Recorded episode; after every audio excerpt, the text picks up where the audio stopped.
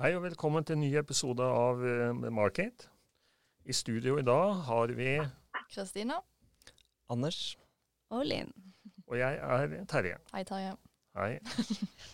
uh, det vi skal snakke om i dag, det er noe som berører alle. Og vi skal da selvsagt snakke om koronasituasjonen, men relatere det til fag. og Eh, hvordan dette kan påvirke både strategi- og markedsføringstenkningen til selskapene. Og for å hjelpe oss til å utdype det, så har vi Kristoffer Eikern Andersen. Han har vært gjest hos oss tidligere i sesong én. Velkommen tilbake, Kristoffer. Tusen takk. Sist gang vi møttes var vel korona bare en øl? ja, ikke sant? Sier noe. Ja. Eh, litt sånn repetisjon. Du kan jo si litt kort om deg selv og din bakgrunn, Kristoffer, hvor du jobber hen osv. Absolutt. Eh, takk for invitasjonen til å komme tilbake. Det er jo mye som har endret seg siste, siste halvåret, så dette blir eh, spennende. Eh, jeg heter altså Kristoffer. Eh, jobber i et eh, konsulentselskap som heter Capgemini. Vi er et av verdens største konsulenthus. Der jobber jeg sammen med ca. 270 000 kollegaer i litt over 40 land. Vi jobber hovedsakelig med å hjelpe Skandinavias, Norges største selskaper med digitaliseringsreisen sin. Både hvordan man kan bruke digitale tjenester internt i bedriften for å øke måte, effektivitet og produktivitet, eh, men ikke minst også ut mot kunder eh, for å lage nye kundeopplevelser. Eh, og Det har jo alltid vært spennende de åtte årene jeg har jobbet her, men har jo blitt veldig mye mer spennende vil jeg si, siste, siste halvåret. Når vi da snakker om hvordan selskapene skal over i den nye normalen. Ja, ikke sant? Ja, Eh, du har jo skrevet flere artikler i sommer om hvordan verden vil se ut etter korona. Hva er din vurdering av det? Jeg tror vi har vi får to typer selskaper, eh, to typer bedrifter eh, vi ser nå. Det er en del bedrifter som, som jobber og sier at vi må komme oss så raskt som mulig tilbake til normalen, altså slik den var før 12.-13 mars. Og så har man en del selskaper som sier eh, nå må vi brette opp ermene og skape den nye normalen. Jeg tror eh, verden for alltid kommer til å se annerledes ut eh, etter det som har skjedd de siste seks månedene. Den kommer til å bli mer digital. Uh, den kommer til å bli mer distribuert. jeg tror vi kommer til å få mer fokus på grønne, lokale, bærekraftige løsninger. og så tror jeg nok vi må lære oss å leve med en usikkerhet eh, framover eh, i mange år. Og Det kommer til å påvirke måten, måten bedrifter eh, jobber på, eh, og måten de legger eh, strategiene sine. Eh, og Vi har sett mange gode eksempler, og vi har sett mange mindre gode eksempler på hvordan det har blitt gjort de siste seks månedene. to av mine favoritter, da, hvis jeg får lov til å trekke fram to eksempler på ting jeg syns er veldig spennende som har kommet ut av de siste seks månedene, finner vi i, i musikkbransjen, faktisk. Um, oh, ja. Musikkbransjen har jo opp gjennom tiden ikke alltid vært veldig positive til endring.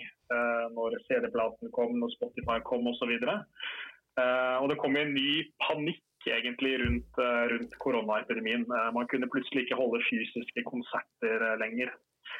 Um, det som er veldig interessant med musikkbransjen, er at man har sett at de nå virkelig har tatt muligheten til å snu seg rundt uh, og sett hvordan kan vi utnytte denne situasjonen. Uh, og jeg vet ikke om noen av dere har vært på konserter på Facebook jo, eller vært på drive-in ja, eller drive-in-konserter eller digitale musikkfestivaler. Ja. Um, jeg har i hvert fall brukt mye tid på det, og faktisk også ganske mye penger på det uh, de siste seks månedene. Um, og Det er jo et godt eksempel på Eh, en bransje da, som har tatt en, en krise, egentlig, og istedenfor å gå til Nav uh, og be om penger for, uh, eller støtte for tapte inntekter, så lager man seg nye konsertarenaer uh, som faktisk også i mange tilfeller får mye større publikum. Um, en konsert på Rockefeller er begrenset til 1800 personer. En konsert på Facebook har vel i praksis ingen begrensning. Så Det er et, et eksempel tenker jeg da, på, på selskaper som jeg tenker og bedrifter og organisasjoner som er med og skaper den nye normalen. Uh, som jeg syns er veldig, veldig spennende. Og så har du jo, Vi som studenter er jo veldig opptatt av eh, hvordan dette påvirker, eller kan påvirke fagene våre, og hvordan vi kan utnytte det i oppgaveskriving. For det er jo en helt ny situasjon som ikke er omtalt i noen lærebøker. Har du noen mm. innspill å komme med her? Det første tenker jeg i utgangspunktet så må dere stille det spørsmålet til foreleserne deres. og hvordan de har tenkt, har tenkt, å gjøre forelesningene sine oppdaterte. Ja. Um, men det er klart det er en utfordring både for, for uh, forelesere og studenter. Um, jeg tenker Det er et par ting da jeg tenker eh, dere, man bør gjøre. Uh, jeg, jeg, husker fra min studietid at lærebøkene var store og omfangsrike. de. Uh, men, men, kilden til god innsikt tenker jeg nå ligger i stor grad i podkaster, i nettaviser, i chatteforum ja. på LinkedIn. Eh, hvor disse situasjonene egentlig diskuteres hver dag. Um, og jeg bruker en del tid også sammen med mine kollegaer, fordi uh, det å være konsulent er jo også litt som å være student. Uh, vi uh, må holde oss oppdaterte, og vi er egentlig oppe til eksamen hver dag ute hos våre kunder. For vi må være enda mer oppdaterte og relevante enn det kundene våre er, for å kunne gi gode råd. Ja. Og Det vi bruker mye tid på i lunsjen, som jeg tror også kan være et godt tips for studenter, er å lage sine egne cases. Hvis du uh, går inn på forsiden av DN i dag, da, så er det fullt av uh, interessante caser. Hva skjer med Norwegian? Uh, hva skal Hurtigruten gjøre nå for å gjenskaffe seg tillit etter det som har skjedd de siste månedene? Hva skal Elkjøp gjøre med Amazon?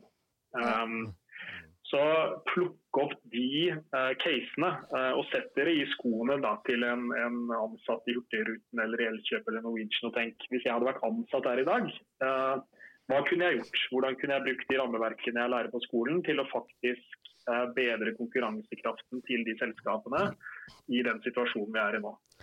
Så jeg ville tatt litt inspirasjon av liksom, teorien, de lange linjene fra lærebøkene, uh, men brukt gjerne aviser til å gjøre det dagsrelevant. Uh, og forhåpentligvis så blir dere utfordret på de tingene på eksamen, og ikke bare opplistning av rammeverk, som jeg husker vi fikk mye spørsmål om. så, så, skal jeg jo ja, ja takk, jeg er jo foreleseren Kristoffer. og Derfor sitter vi, vi jo her med podkasten, for å utvide horisonten. Men, men, Anders her i studio, han og alle hans medstudenter i strategifaget skal jo skrive en prosessbasert eksamen i høst. Dvs. Si de begynner å skrive eksamen nå. Og det, skal være en strategiplan når vi da er ferdig med semesteret for et fritt valgt selskap. Og da tenker jeg at at, eh, at, de kommer jo ikke utenom å berøre koronasituasjonen. Altså, det burde Nei, jo være... da skal du lete godt etter selskaper. ja, altså, de burde egentlig trekke inn korona. Altså, det er et jeg, pluss-bonus om hva som skjer etter Et godt tips for meg som både er faglærer og skal sensurere deler av det her, er at uh, man kommer ikke utenom det. det da, er, da, er, det feilvurdering, etter, etter min mening. da. Så. Og et godt tips fra, fra, oss som også sitter og ansetter da, nyutdannede økonomer og strategimennesker, og alt mulig sånt, så er det jo nettopp de tingene vi også diskuterer på jobbintervju om dagen. Uh, mm. Fordi vi må forvente at folk uh, som vi ansetter, har en mening om hvordan det påvirker samfunnet og de selskapene vi jobber med. Så Jo tidligere man starter å utfordre seg selv på det, jo bedre er det. Ja, ikke sant. Uh, et litt annet område Kristoffer, som jeg ser at du også har skrevet litt om. Uh, og det er den største suksessfaktoren for selskaper framover, som du har sagt blir kundeopplevelser. Uh, ja. Og det var vel skrevet litt uavhengig av korona, men kan vel også ses litt i sammenheng med det. Men uh, du har jo også noen data rundt det med liksom, hvorfor det er, det er så viktig. da. Ja, Eh, definitivt eh, relevant i forbindelse med korona, men også relevant i en del andre sammenhenger. Eh, eh Amazon sitt inntog i Skandinavia f.eks. Um, og det, det, jeg har skrevet litt om i de artiklene, handler om at um, tradisjonelt sett, uh, og en del både strategi- og markedsføringsmodeller bygger jo opp under at uh, pris eller produktkvalitet er helt essensielle faktorer for å kunne konkurrere. Altså hvis du har det beste produktet eller den billigste prisen, mm. så får du flest kunder. Det er jo en litt sånn etablert sannhet. Um, det vi ser i dataene våre, er at det er en sannhet som er i ferd med å uh, Den står for fall. Um, vi ser at det vi kaller kundeopplevelsen, altså det som, det som skjer rundt selve kjerneproduktet, um, blir stadig viktigere som et konkurransefortrinn hvis du skal beholde kundene dine. Uh, tenk f.eks. Uh, banken din, telefonselskapet ditt eller strømleverandøren din. Uh, de leverer jo, altså Banken din leverer et bankkort og en nettbank. Uh, telefonselskapet ditt leverer en summetone, og strømleverandøren leverer en strøm i, i veggen. Alle produkter eh, hvor kvaliteten er ganske lik, eh, og prisen er nesten gratis eh, nå. Det er, det er liksom nesten ikke umulig å konkurrere på pris f.eks. på strøm lenger. Mm. Hva konkurrerer du på da? Mm. Eh, hvorfor skal jeg velge DNB istedenfor Nordea f.eks.? Det man ser at DNB, da, som, uh, som jeg syns er ganske flinke på dette, er at de bygger opp tjenester som ligger rundt selve kjerneproduktet sitt. Uh, det er DNB som har brakt tilbake til det forrige eksempelet mitt, uh, musikkfestivalene hjem i stua til folk i sommer. det er de som promoterer rådgivningstjenestene sine best. Det er de som har det beste økosystemet med bonuspoeng hvis de bruker kredittkortene deres. Så ting som ligger på måte, rundt kjerneproduktet. Da. Eh, er det man må konkurrere på. Eh, og ikke på en måte nødvendigvis kjerneproduktet, er det jeg prøver å si i de, i de artiklene. Ja, er det noen gode eksempler utenom DNB, tenker du på? Altså, eller hvor, hvor, flinke er norske selskaper eh, på det området?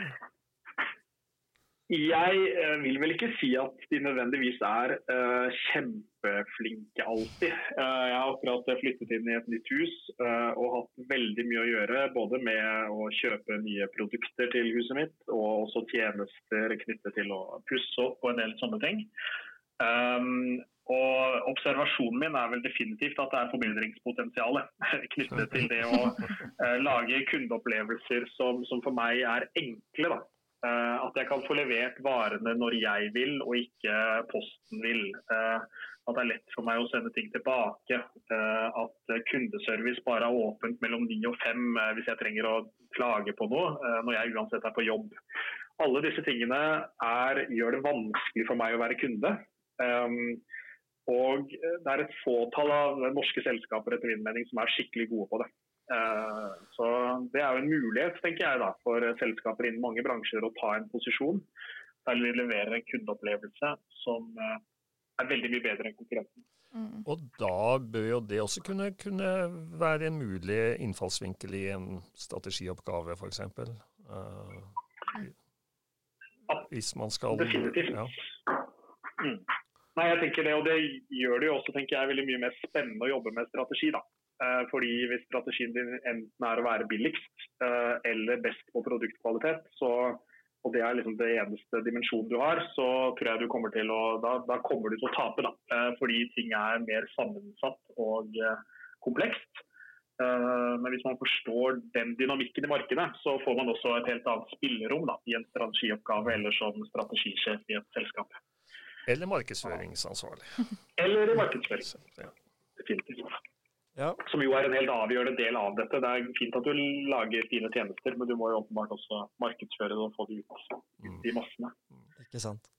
Eh, du nevnte jo litt Amazon i en bisetning i sted, og Terje har jo også snakket om eh, Amazon i forelesninger som kommer utover denne ja. høsten. Og det er jo ingen tvil om at Amazon er på vei inn i Skandinavia. De er jo begynt å nærme seg Sverige tidligere enn Norge. Um, men nå har de jo de også vært og søkt uh, Head of Marketplace for Skandinavia. Um, ja. Så hva er litt dine tanker om norske bedrifters mulighet til å stå imot Amazon um, i markedet? Det er vel ingen tvil om at eh, inntoget til Amazon kombinert med koronasituasjonen er en eh, hva skal vi si, interessant utfordring eh, for norsk, norsk, retail. en stor test. og det blir jo en skikkelig thrillerhøst. Jeg skulle ønske jeg kunne sitte med en sånn gyllen formel på hvordan man skulle slå Amazon. Da hadde jeg startet mitt eget selskap og jobbet med dette. Men, men jeg, jeg, tror jo i utgangspunktet at kanskje ikke bildet er så svart-hvitt som det tegnes opp i media. Da. Fordi Hvis man leser de fleste artikler i aviser og rundt forbi, så er jo på en måte nå er norsk retail dødsdømt. Da.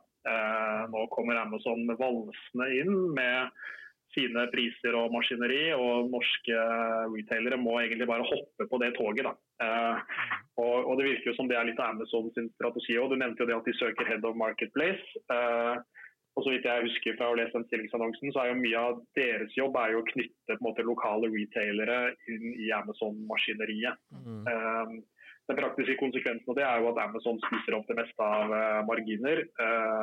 Og at man må betale Amazon for marketing, og man har ikke så mye mer spillerom på, på den siden. Um, men, men jeg, jeg, tror at bildet er litt mer nyansert enn som så. Da, fordi det er et par ting som også er veldig interessant med um, med Amazon. Um, for det første så er det jo sånn at ved å få Amazon inn i Norge, så øker man det totale markedet for netthandel. Jeg tror Amazon kommer til å føre til at flere handler på nett og i digitale flater. Mm. Som jo gjør at Amazon kommer åpenbart til å ta en stor uh, andel av det. Uh, men det gir også et mulighetsrom for norske aktører. Fordi uh, vi som forbrukere kommer til å handle mer på nett. Eh, og Hvis man da leverer en skikkelig god kundeopplevelse mm. som norsk aktør, eh, så tror jeg man har muligheten til å stå imot Amazon uh, i en, i en, uh, men, på ulike måter. Men det, det, du da sier, og det er jo relatert til både strategi og markedsføringsfag, er jo at norske selskaper må bli enda bedre på netthandel? Det er helt riktig. og det, det er jo litt sånn det blir jo en hygienefaktor tenker jeg framover, å være skikkelig god på netthandel. Uh, og Det er jo litt tilbake til uh, min nå nylige opplevelse med å handle mye på nett. Så er det fortsatt ikke veldig mange som er skikkelig gode på netthandel. Uh, og Det handler igjen om å få levert varer raskt. Det handler om å få retur enkelt tilbake. og det handler om å kunne snakke med kundeservice når du måtte trenge det, og ikke mellom ni og fem f.eks. Så definitivt, de må bli, må bli gode på netthandel. Men de må også um, tørre å stå imot prispresset. Da. Fordi det kommer til å bli et prispress når Amazon eh, kommer inn i markedet. Um, og jeg ser jo Sjefen i Elkjøp ble jo intervjuet nå for et par uker siden, og han sa det er forskjell på å selge varer på, i Mandal og på Manhattan. Um, og det, det ligger nok potensielt noe i det. Uh, hvis man evner å forstå uh, de lokale dynamikkene da, og den lokale etterspørselen i uh, en del av Norge f.eks., så er jo det en, en, ubetydelig geografi for Amazon. og Det finnes jo andre eksempler. Noen av oss husker kanskje da Lidl, denne ja. tyske dagligvarekjeden, Jeg tenkte på det samme. Seg i, i, Norge. Um, de bommet jo på mye, da. Men bl.a på det å forstå uh, de lokale markedene. Og ble jo sendt rett ut igjen. Jeg tror ikke det kommer til å skje med Amazon, da. men, men det, det, uh, jeg ville som norsk varehandler tent et lite håp hvis jeg hadde sett på Lidl-caset og sett hvordan kunne jeg utnyttet måte, de læringene derfra. Da. Jo, men da må de jo, eh, de må jo skjerpe seg. Altså mange må jo skjerpe seg. Ja, ja, ja. De fleste må skjerpe seg, og det ligger jo på en måte som et fundamentalt element. Uh, men de trenger også, jeg tenker også norsk varehandel trenger hjelp av et større økosystem. Én ting er på en måte åpenbart rettferdige skatter og avgifter og alle disse tingene som, som diskuteres mye om dagen. Men de vil også f.eks. trenge hjelp av en, en Posten-organisasjon, en Bring-organisasjon, som er enda mer fremoverlente og virkelig nå legger seg i sela for å være en del av den verdikjeden for å gjøre netthandel skikkelig bra i Norge. Så Det er ikke bare de som selger produktene som må steppe opp. Det er teknologileverandørene, det er eh, logistikkleverandørene, det er betalingsleverandørene. Vits gjør jo mye på, spennende på det området om dagen. Eh, så det er mange eh, som her må finne sammen for å utfordre Amazon, tror jeg. Og vi gjør nok smart i å ikke se på hverandre kanskje som konkurrenter uh, internt i Norge lenger, men kanskje mer samarbeidspartnere i et økosystem uh, mot giganter som Amazon og Facebook og, og disse, disse, aktørene. Mm. Vi er jo avhengige av hverandre for å på en måte kunne levere til kundene. Både Posten og Elkjøp liksom, må jo trenger hverandre på en måte. Mm, Definitivt. Og det er også ganske, det er eh, også fra et strategiperspektiv og markedsføringsperspektiv veldig interessant. Det å tenke hvordan kan jeg samarbeide med andre selskaper om å tilby helt nye varer og tjenester. Mm. Uh, hvis jeg selger et produkt, uh, sånn som DNB, da, hvor, uh, hvordan kan DNB samarbeide med Øya festival ja. for å lage helt nye opplevelser? Da, som Amazon antagelig ikke har tilgang på like enkelt. Så det at man da skal se på hverandre som samarbeidspartnere, at Vips er et annet godt eksempel på det. der for noen år siden så konkurrerte alle bankene om å lage den beste Vipps-løsningen. Du hadde jo mm. Mcash og Mpay og hva alt het. Jeg hadde, uh, jeg hadde Mpay en, en periode. Det, det, var ikke noe suksess. En av de, en av de få. Ja. En av de få. Men der gjorde man jo noe veldig spennende. og Der fant man ut at egentlig så er det ikke de norske bankene som bør konkurrere mot hverandre. Uh, norske banker bør konkurrere mot uh, Facebook sin ja. betalingstjeneste eller WhatsApp sin betalingstjeneste. Uh, og Det gjør vi ikke hvis Mcash skal konkurrere mot Vipps. Da må de gå sammen. for å bli sterke nok så man kan bruke pengene sine ikke på å konkurrere internt, men mot disse store aktørene. Nordmenn kjenner jo nordmenn best. Mye mer av. Ja, det blir spennende å se om det er riktig i konteksten av Amazon. Uh, som ruller inn med kunstig intelligens og algoritmer som er ganske Skummelt. interessante. Ja. Uh, interessante var et fint ord. Gøy å se, da, for det er jo ikke noen norske nettsider der ute nå som er veldig store. Ikke som jeg bruker. så... Det betyr jo at det er potensial til å starte opp eget. Definitivt. Ja. Definitivt. Og så til slutt så lurer vi på om du har noen tips til nettsider eller artikler som, kan, som studentene våre kan uh, bruke og følge med på for å holde seg oppdatert, da. Mm. Ehm, jeg må innrømme at jeg bruker mye podkast om dagen eh, for å holde meg oppdatert. Jeg bruker mye bra. nettsteder, altså de, de klassiske ja, sant?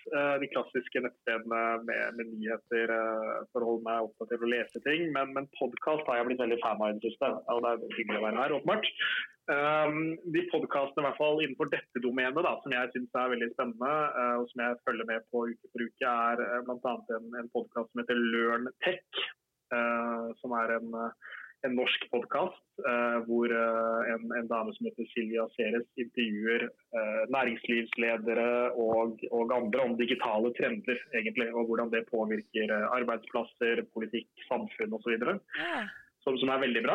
Um, det er også en annen podkast litt i samme gata som heter 'Teknologi og mennesker', uh, mm. som, som hostes av Oslo Business Forum som, som, diskuterer mye av de samme type uh, problemstillingene og utfordringene og mulighetene. Uh, I de podkastene ligger det mange uh, spennende diskusjoner og elementer som hadde gitt dere gode karakterer på en, en strategiprosesseksamen, tror jeg. det er bra å høre. ja. Ellers så bruker jeg også alltid anledningen i sånne forum som dette å oppfordre alle til å lære seg mer om kunstig intelligens. Ja. Uh, uansett hva man studerer, uh, uansett hva man jobber med, så vil det på ulike måter radikalt endre samfunnet vårt og hverdagen vår, og det har allerede gjort det. Ja. Um, og Siden sist vi uh, snakket sammen, da sa jeg at uh, nå kommer det snart et kurs på norsk. Uh, nå har det kommet et kurs som heter 'Elements of Artificial Intelligence'. husker jeg ikke den norske tittelen. Um, som er et uh, kurs som, som, er satt opp av, uh, av, NTNU og en del andre organisasjoner i Norge, eller i hvert fall gjort tilgjengelig i Norge gjennom dem. Som er et uh, 40 timers kurs eller noe sånt. som gir deg en god innføring i kunstig intelligens, hvordan den brukes, hva man må være oppmerksom på og alt mulig sånt. Jeg tok jo um, imot det tipset fra podkasten og har begynt med ja. den Elements of AI. Så jeg kan jo si ja, at den er jo veldig, veldig bra enkelt å sette seg inn i. Veldig godt forklart. Lett å ja. registrere seg og komme i gang. Så kan du ta det i ditt eget tempo. Var det også muligheter, og, så du kan bruke litt et eh, par minutter her om dagen. Det er kult. Ja. Og det vil garantert være ting som uh, fremtidige arbeidsgivere når dere skal søke jobb, kommer til å se etter. Ja. Uh, altså ting man gjør på toppen av vitnemålet sitt. Uh, dette genererer jo faktisk også liksom et diplom og alt mulig sånt. Ja. Um, men at man har den type X-faktorer på vitnemålet sitt, at man viser at man følger med på trender innenfor digitalisering og alt mulig sånt, tror jeg uansett hva man skal jobbe med, ikke bare teknologikonsulent som meg selv, vil være et stort pre når dere skal ut i, ut i arbeidslivet. Veldig så det er kanskje de viktigste tipsene jeg har. Uh, Veldig bra, Kristoffer. Det må jeg si. Det her tror jeg kommer mye nyttig ut av. det var veldig interessant å høre på når du snakket. Det var ja, ja. veldig. Godt å høre. Ja. Det er uh, spennende tider. Og som dere snakket om sist, det fins ingen fasit. Og det er vel det som, som gjør det spennende. og så fins det nesten ingen lærebøker til den nye tiden som du har beskrevet her. Bare bruke kreativiteten. ja. Så, nei, men, det finnes eh, mye informasjon der ute. Ja. Flott. Da er jo denne podkasten veldig nyttig for eh, alle studenter innen økonomi og, og ledelse og markedsføring. Så takk for at eh, du stilte opp. Godt å høre. Mm. Takk for invitasjonen. Ha det bra. Ha det, ha det fint. Følg oss på Facebook. og Instagram.